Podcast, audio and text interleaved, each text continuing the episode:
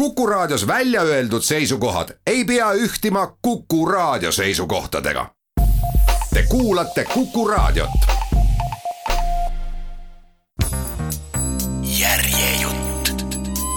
Dubravka Ugrešits, romaanijõe forsseerimine, tõlkinud Madis Vainomaa Loomingu Raamatukogult. järjejutt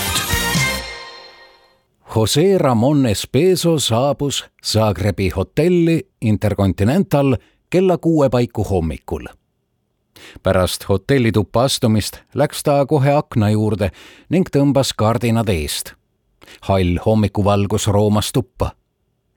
seejärel naasis ta oma reisikoti juurde ja asus asju lahti pakkima. ülikonna sättis ta korralikult riidepuule riidepuu konksu metallne kolksatus vastu riidepuutoru lõikas teravalt hommikuvaikusse. ilusasti volditud valge triiksärgi ja lipsu asetas ta voodile. Need plaanis ta istungiks selga panna. oma ettekande, luule ja tsensuur viisteist koopiat asetas ta kirjutuslauale seejärel viis ta vannituppa oma tualettarvete kotikese, millest võttis välja hambaharja ja pasta. eemaldas tualettpotile kleebitud paberlindi ning viskas selle prügikasti. sama tegi ta ka klaaside tsellofaanümbristega. ühte klaasi asetas ta hambaharja ja pasta Jose Ramonile meeldis kohe väga see hommikune asjade ja ruumi vallutamine hotellitoas. seejärel suundus Jose Ramon kirjutuslaua juurde ning kontrollis laualampi, lülitades seda sisse-välja. ta tõmbas taskust mõned Zagrebi piltpostkaardid, mis ta pärast raudteejaamast väljumist kioskist oli ostnud. Ühele neist kirjutas ta sedamaid aadressi.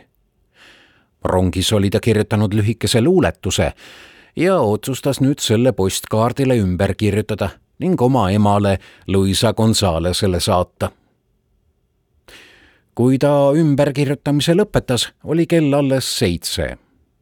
Jose Ramon vaatas päevakava.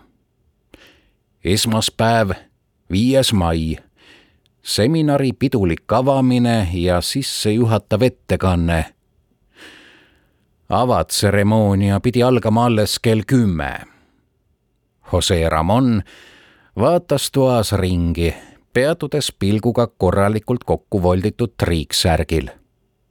hall valgus roomas vaevumärgatavat varju jättes selle krae alla.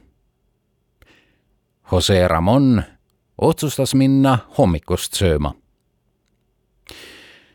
hommikusöögiks tellis ta kaks pehmet keedumuna ja tee Jose Ramon silitas nimetissõrme otsaga muna ja koksas siis lusikaga vastu muna otsa. ta armastas seda heli ja rituaali. ettevaatlikult uuristas ta munakoorde ümmarguse ava ning hiivas selle pehme sisu välja. Kelner tõi võiviilude kausikesed ja Jose Ramon lubas endale õhukese leivaviilu võiga Jose Ramon silus nimetis sõrmega kõigepealt valge kroogitud salvräti äärt.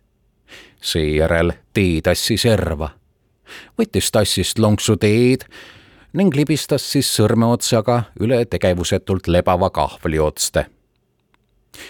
Kui mingil imeväel muutunuks kõik need esemed, salvrätt, tass, kahvel, nähtamatuks siis jäänuks vaatajale mulje, et Jose Ramon joonistab õhku mingeid imepeeni jooni. Jose Ramon aga kordas mõttes oma uue luuletuse värsse ning tema nimetissõrme alateadlik liikumine mööda valge kroogitud salvräti äärt tähistas ilmselt ühe värsi pikkust ning liikumine tassiserval teise värsi kulgu oma kommunistlike vaadete tõttu istus Jose Ramon Esposo Franco ajal mitu korda kinni. ta pidas end siiamaani kommunistiks, ehkki see polnud enam tähtis ei talle ega teistele tema seltskonnast. Carabancelli müüride vahel istudes lahutas ta meelt sellega, et kujutas endale ette krohvikihi alla peidetud telliste ridasid. kuidas need kõik laotud on ja kui palju neid on. nii treenis ta oma sisemist rahu ja hoidis hirmu kontrolli all. luuletades käis ta sõnadega ringi nagu tellistega. ta tunnetas nende karedust või siis hoopiski siledust, poorsust või tugevust, nende servi, justkui hoiaks ta käes telliseid ning vaeks nende raskust. sõnu sättis ta luuletustesse justkui laoks ta telliseid, ehitades niiviisi tugevaid sõnamüüre tihtipeale kujutas ta ette just üht konkreetset tellist. see oli salavõti, mille abil avanes kogu sein ja mis nägi välja täpselt nagu kõik teised tellised, aga ise oli hoopis võltstellis. selline, mida peab kaua ja vaevarikkalt, koputades, puudutades ja vastukajavaid helisid kuulatades otsima Jose Ramon hakkas oma luuletustesse müürima selliseid sõnatelliseid, mis nende avastamisel terve luuletuse mõtet muutsid, liigutasid, pahupidi pöörasid või laiendasid, seda hoopis teise valgusesse sättisid. sellisesse valgusesse, mis tungis sisse kusagilt prao vahelt, teispoolsusest mõnikord oli selliseid sõnu kohe rikkalikult, lausa terve värsi jagu. teinekord jällegi avanes teine tähendus tagantjärele ja iseenesest, ilma et Jose Ramon oleks sellesse kuidagi panustanud. Alguses oli ta seda teinud tsensuuri pärast. see naljakas peituse mäng pakkus talle lõbu. tõsi küll, ta oli ainus, kes sellest teadlik oli jätkates selle mängimist ka hiljem, kui selleks enam tegelikult mingit vajadust ei olnud. talle käis närvidele kriitikute laiskus neid hoolikalt peidetud salasõnu mõistatada. Selle asemel lugesid nad luuletusi, nagu vaataksid mingit tavalist seina, aimamata, et üks tellistest selles seinas on tegelikult libatellis seetõttu tuli ette, et mõnede oma luuletuste kohta kirjutas Jose Ramon lausa selgituskirju ning peitis need siis oma ema Luisa korterisse. Kui Jose Ramon hommikusöögi lõpetas, näitas kell seitse ja kolmkümmend. ta jalutas inimtühjas hoovis aga olles siis uurinud, kus asub kristallsaal, sai ta viisakalt vastuvõtulaua töötajalt muuhulgas teada, et hotellis on ka saun ja bassein. ootamatult avanenud võimalus enne istungi algust basseini sulpsata meeldis Jose Ramonile kohe ebatavaliselt saanud basseinisaali pääslas olevalt noorelt naisterahvalt teada, et sealt saab ka ujumispükse, froteemantlit ning ujumismütsi rentida, otsustaski ta mõeldu sedamaid teoks teha. kas te saaksite äkki ka mingit muusikat panna? küsis ta kehvas inglise keeles noorelt naisterahvalt, justkui oleks see enesestmõistetav, et muusikata basseinid on tõeline haruldus seda, et jaa, saame, vastas naisterahvas, imestades samas ka ise oma vastuse üle.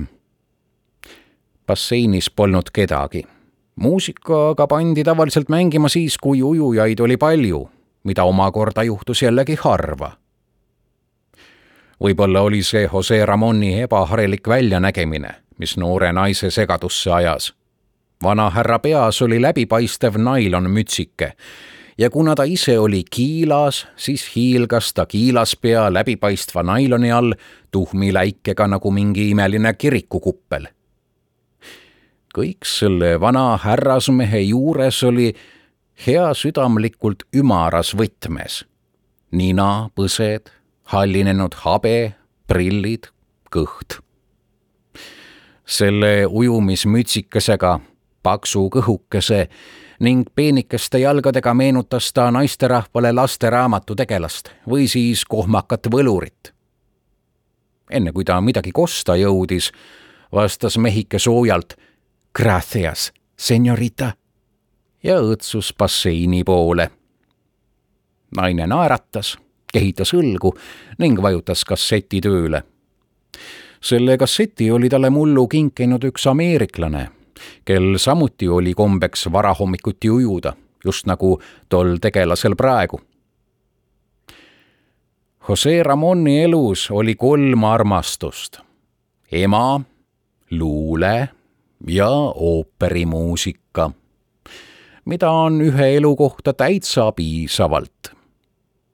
kui saali täitsid Pisee Carmeni helid, tundis ta kirjeldamatut rõõmu. Ta sööstis vette nagu muusikasse ja sukeldus muusikasse nagu vette selili vees lebades nägi ta läbi klaaskatuse paistvat tumesinist taevast ja kui ta pea kõrvale pööras, võis ta üle lugeda kõik teisel pool teed kasvavad paplivõrad. pilved ja rohelised paplid ujusid Jose Ramoniga kaasa. Maria Kallase hääl sööstis võrade vahele, neid värske tuuleiilina raputades paplivõrad värvusid hõbedaseks ja tuhmusid järsult. siis aga naasis, tungides läbi klaasi ning langes särava tähena maale. Jose Ramon sukeldus sellele häälele järele. mõne aja pärast piilus naisterahvas saali, et näha, mida too ebaharilik külaline teeb. Külaline aga vehkis saamatult kätega põtkis jalgadega ja puristas, kadudes kord vee alla ja ilmudes seejärel taas pinnale, turtsus, hulpis seliti, pritsis igasse ilmakaarde, et seejärel taas hääletult haihtuda. nii et tast jäi pinnale hõljuma vaid tema nailonmüts.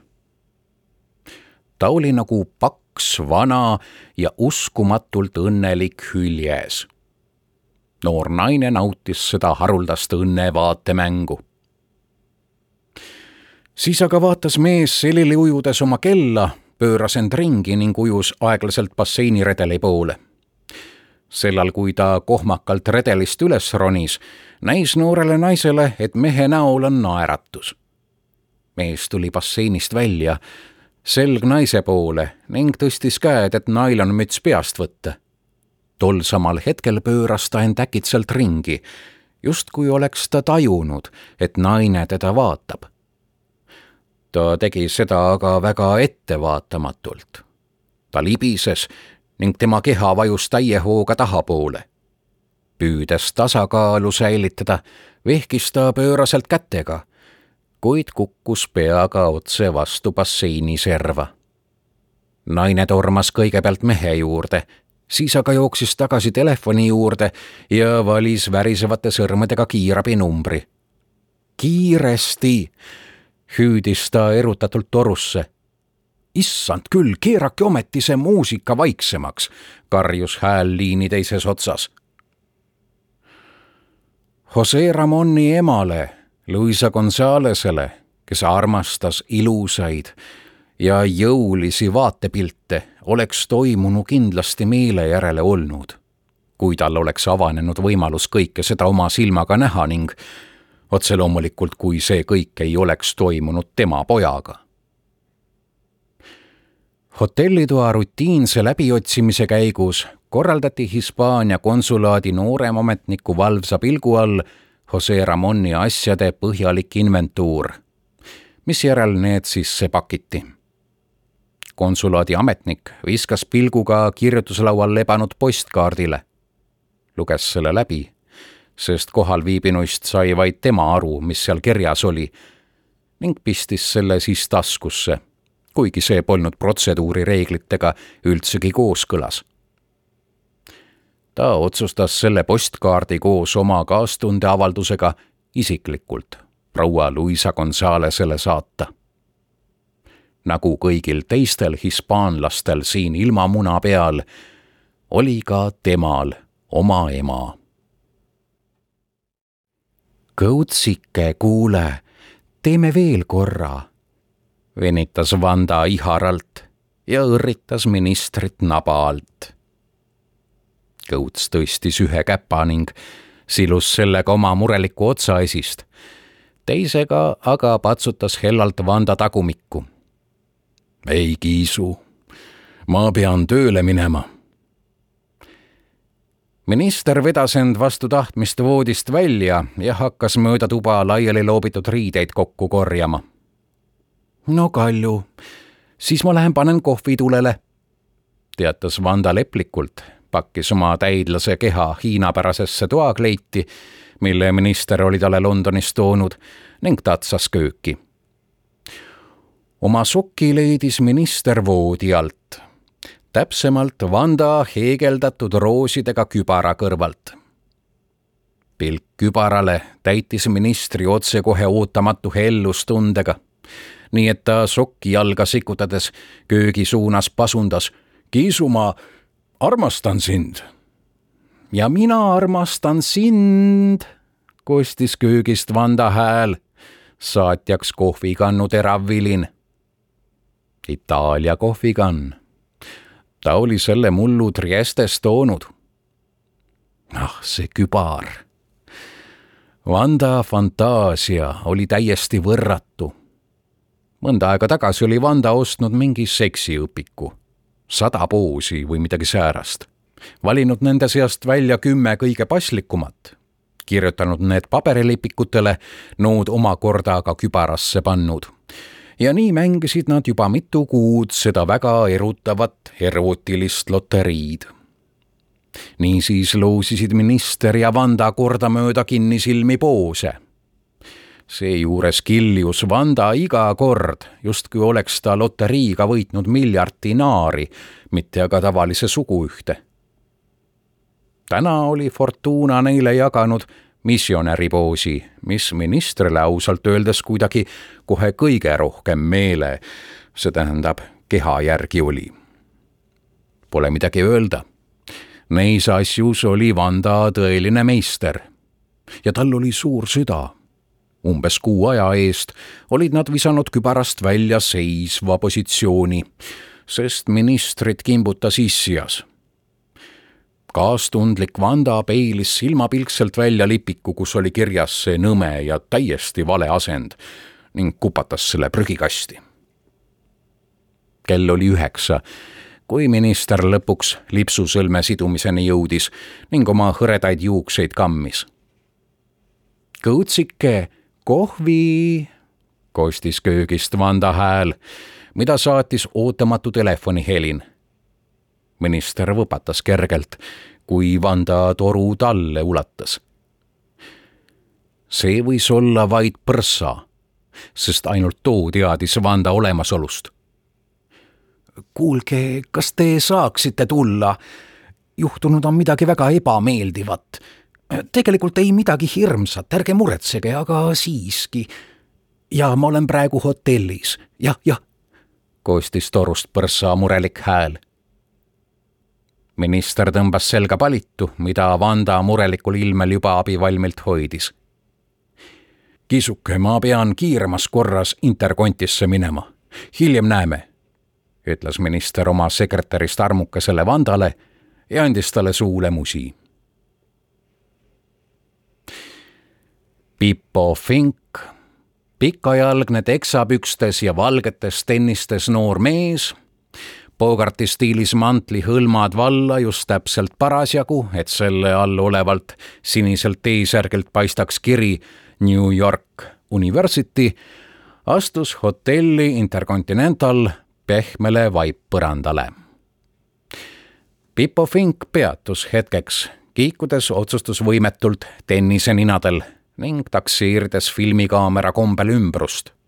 siis aga keeras justkui otsusekindlalt paremale ning just sel parempöörde hetkel ujus talle kaadrisse luuletaja põrssa läikiv nägu. kuidas käbarad käivad, vana poiss, hüüatas põrssa südamlikult ja lajatas kämblaga Pipole õlale. noh, kordas ta kärsitult, ootamata ära küsimuse vastust. kui Pipo tahtis ühmata, pole viga või midagi säärast, jõudis põrssa temast ette. keegi pole veel kohale jõudnud seda, et kuule, lähme teeme õige ühed kohvid, mis? ja põrssa keeras Pipo ringi vastupidisesse suunda, Diana baari poole.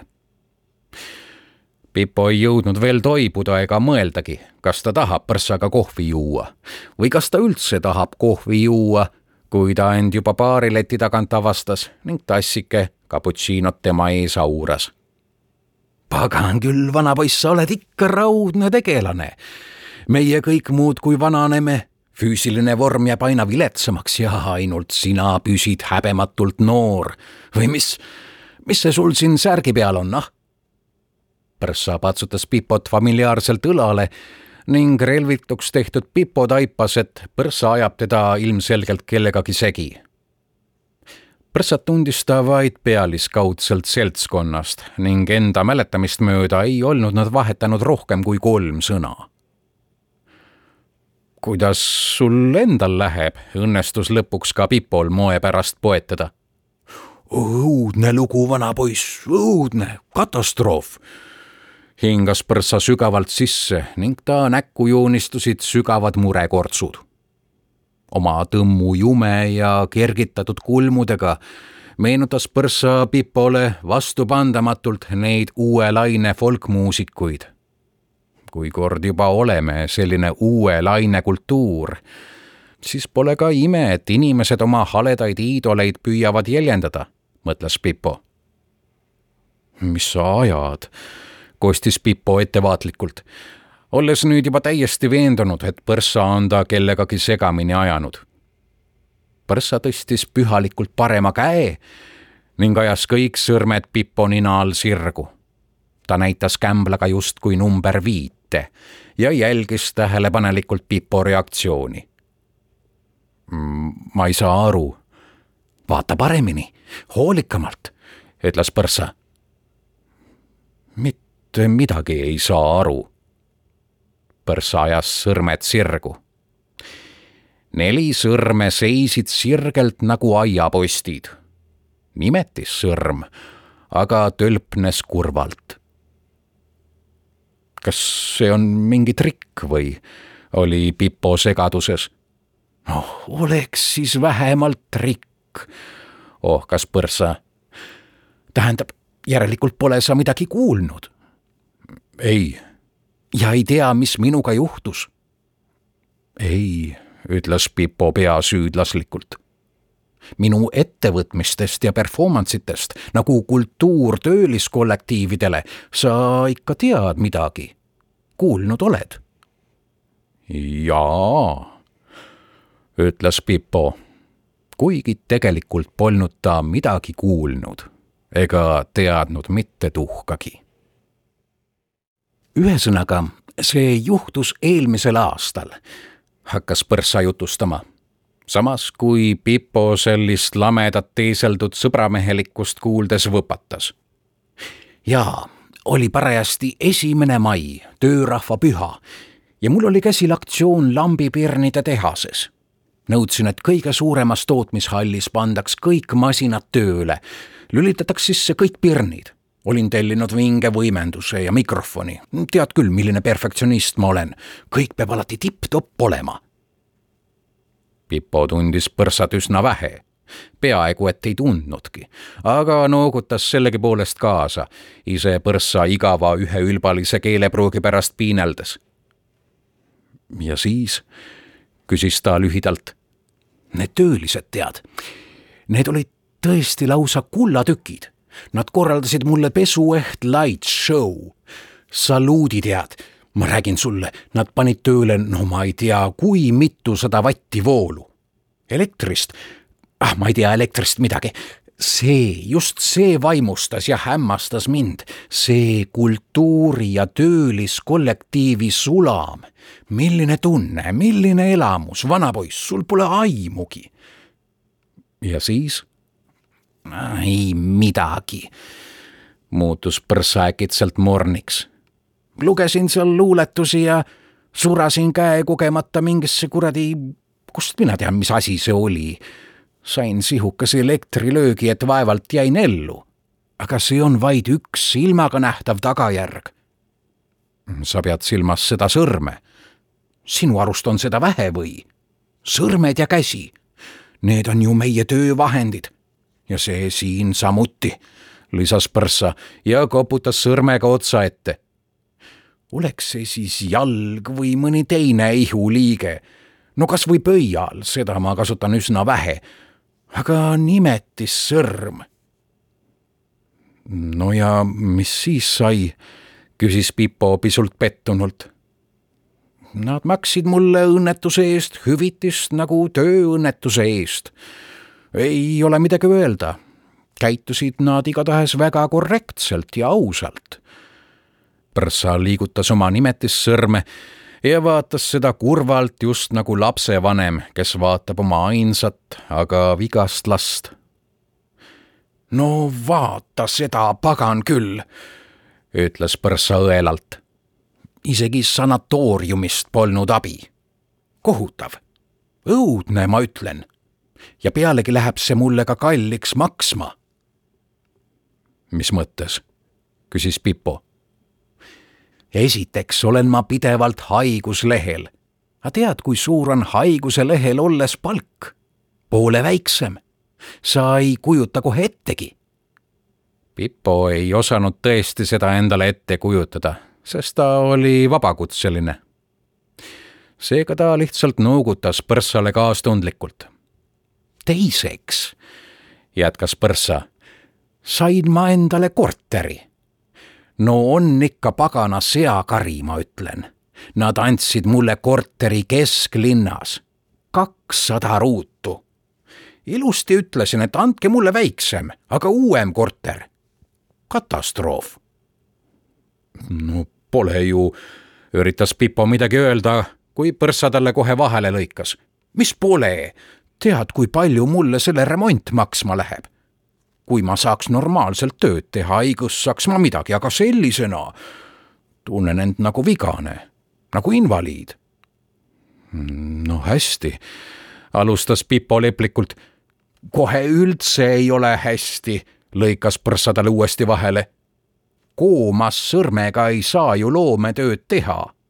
hea küll, luuletusi veel kuidagi saab, aga romaani. Pipo teadis põrssat kui luuletajat. aga ta ei tahtnud laskuda arutellu selle üle, mis romaaniga nüüd tegu on. osta endale diktofon, kostis ta vaid nüüd on juba hilja, mis tehtud, see tehtud. romaan juba ilmus kolmapäeval on esitlus, rehmas põrssa käega. aga siis muutis järsult tooni. kas sa irvitad minu üle, mis?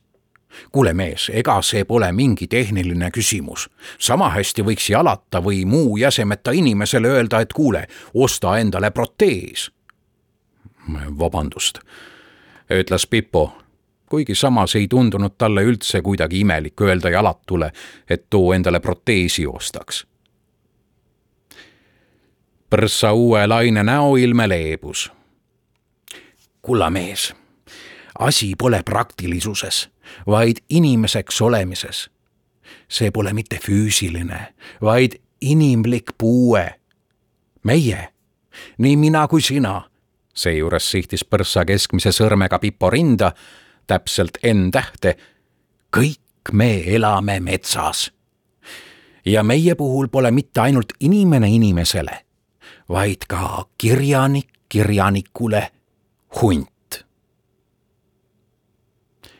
Prssa tegi korraks pausi, kergitas Pipo reaktsiooni ootel kulme, siis aga kallutas end vandeseltslaslikult Pipo poole. sa ju ometi tead, kuidas nad mind ründasid. ajalehti ikka loed ju. kas sõrme pärast?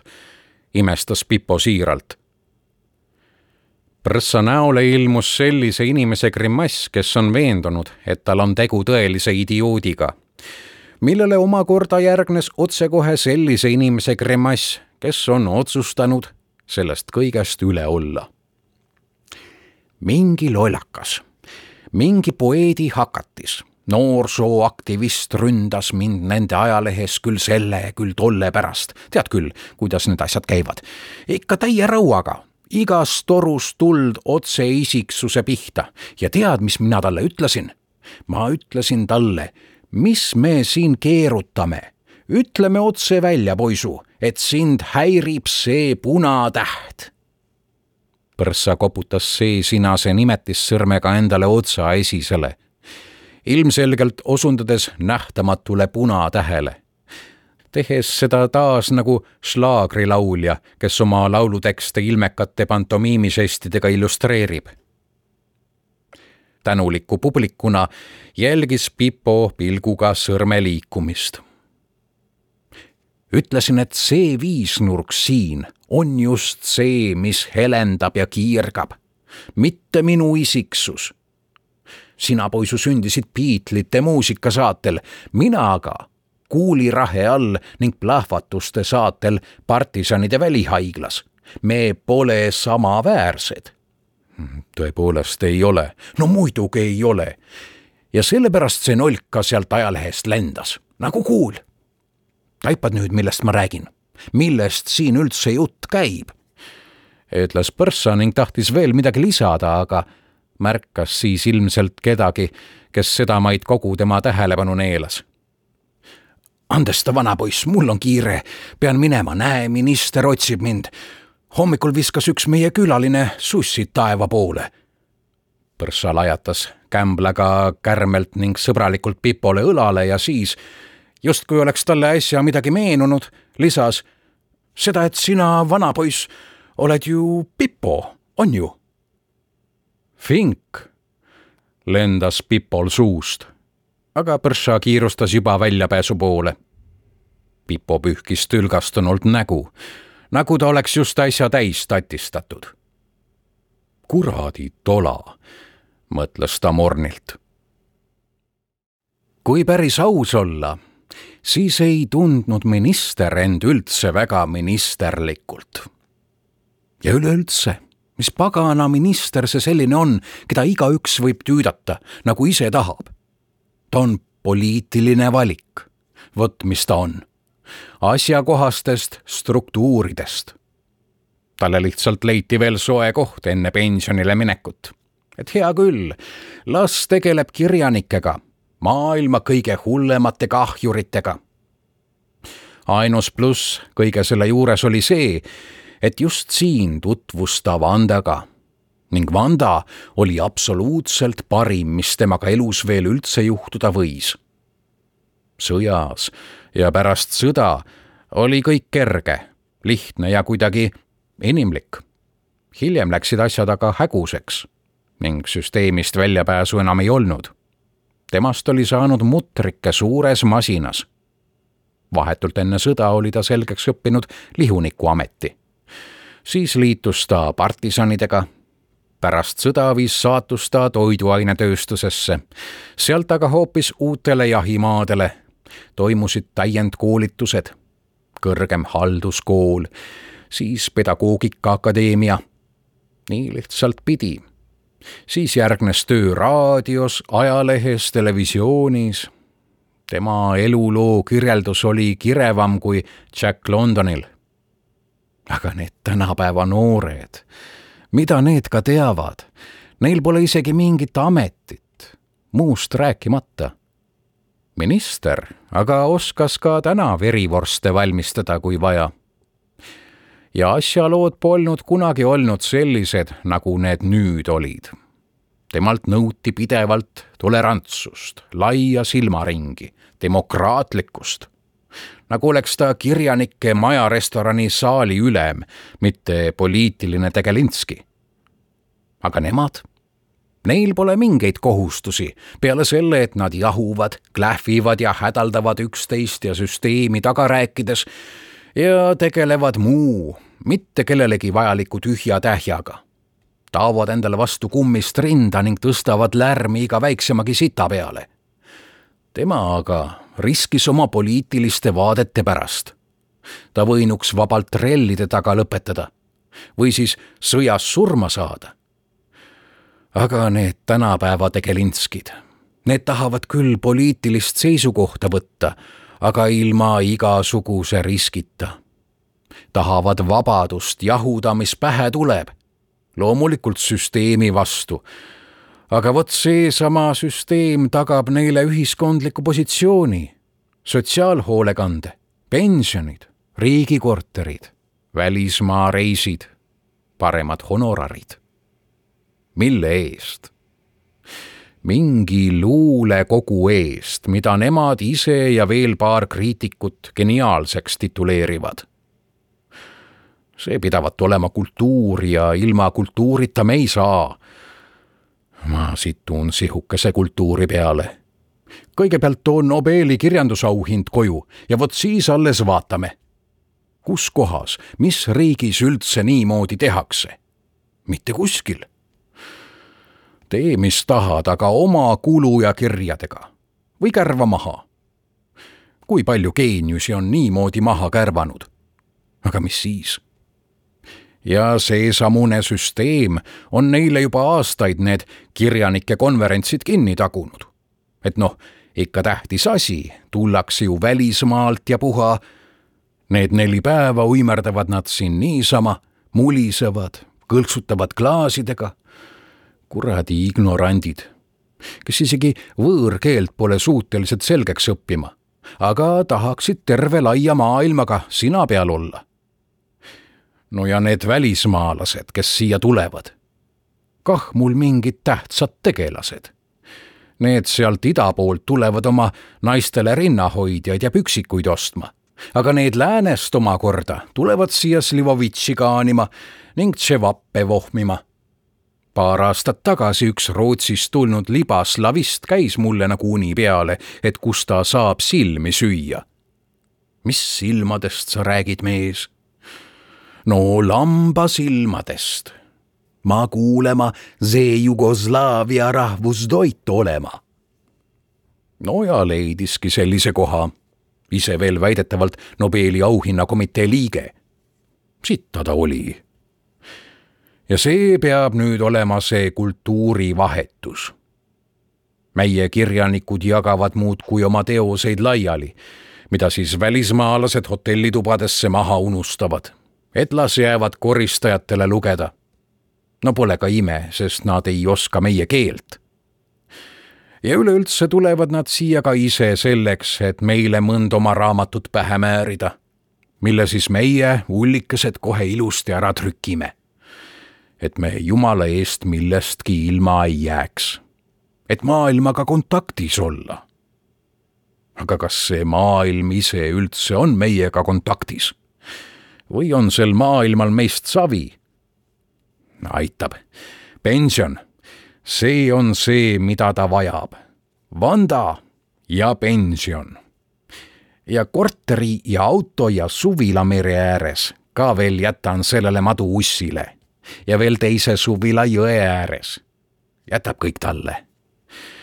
ja sellele kolmekümneaastasele rokimehe Stäpule, kes pole suuteline isegi ajateenistust ära tegema, ülikoolist rääkimata, sellele tööpõlgurile, veiderdajale, laiskvorstile ja jobule kellele ta teenitud kõrvakiile õigel ajal ära ei ladunud ja seda just neil samadel kasvatuslikel põhjustel, et kellelgi poleks midagi kobiseda, et tal on puudu laiast silmaringist, demokraatlikkusest ja kõigest muust pasast.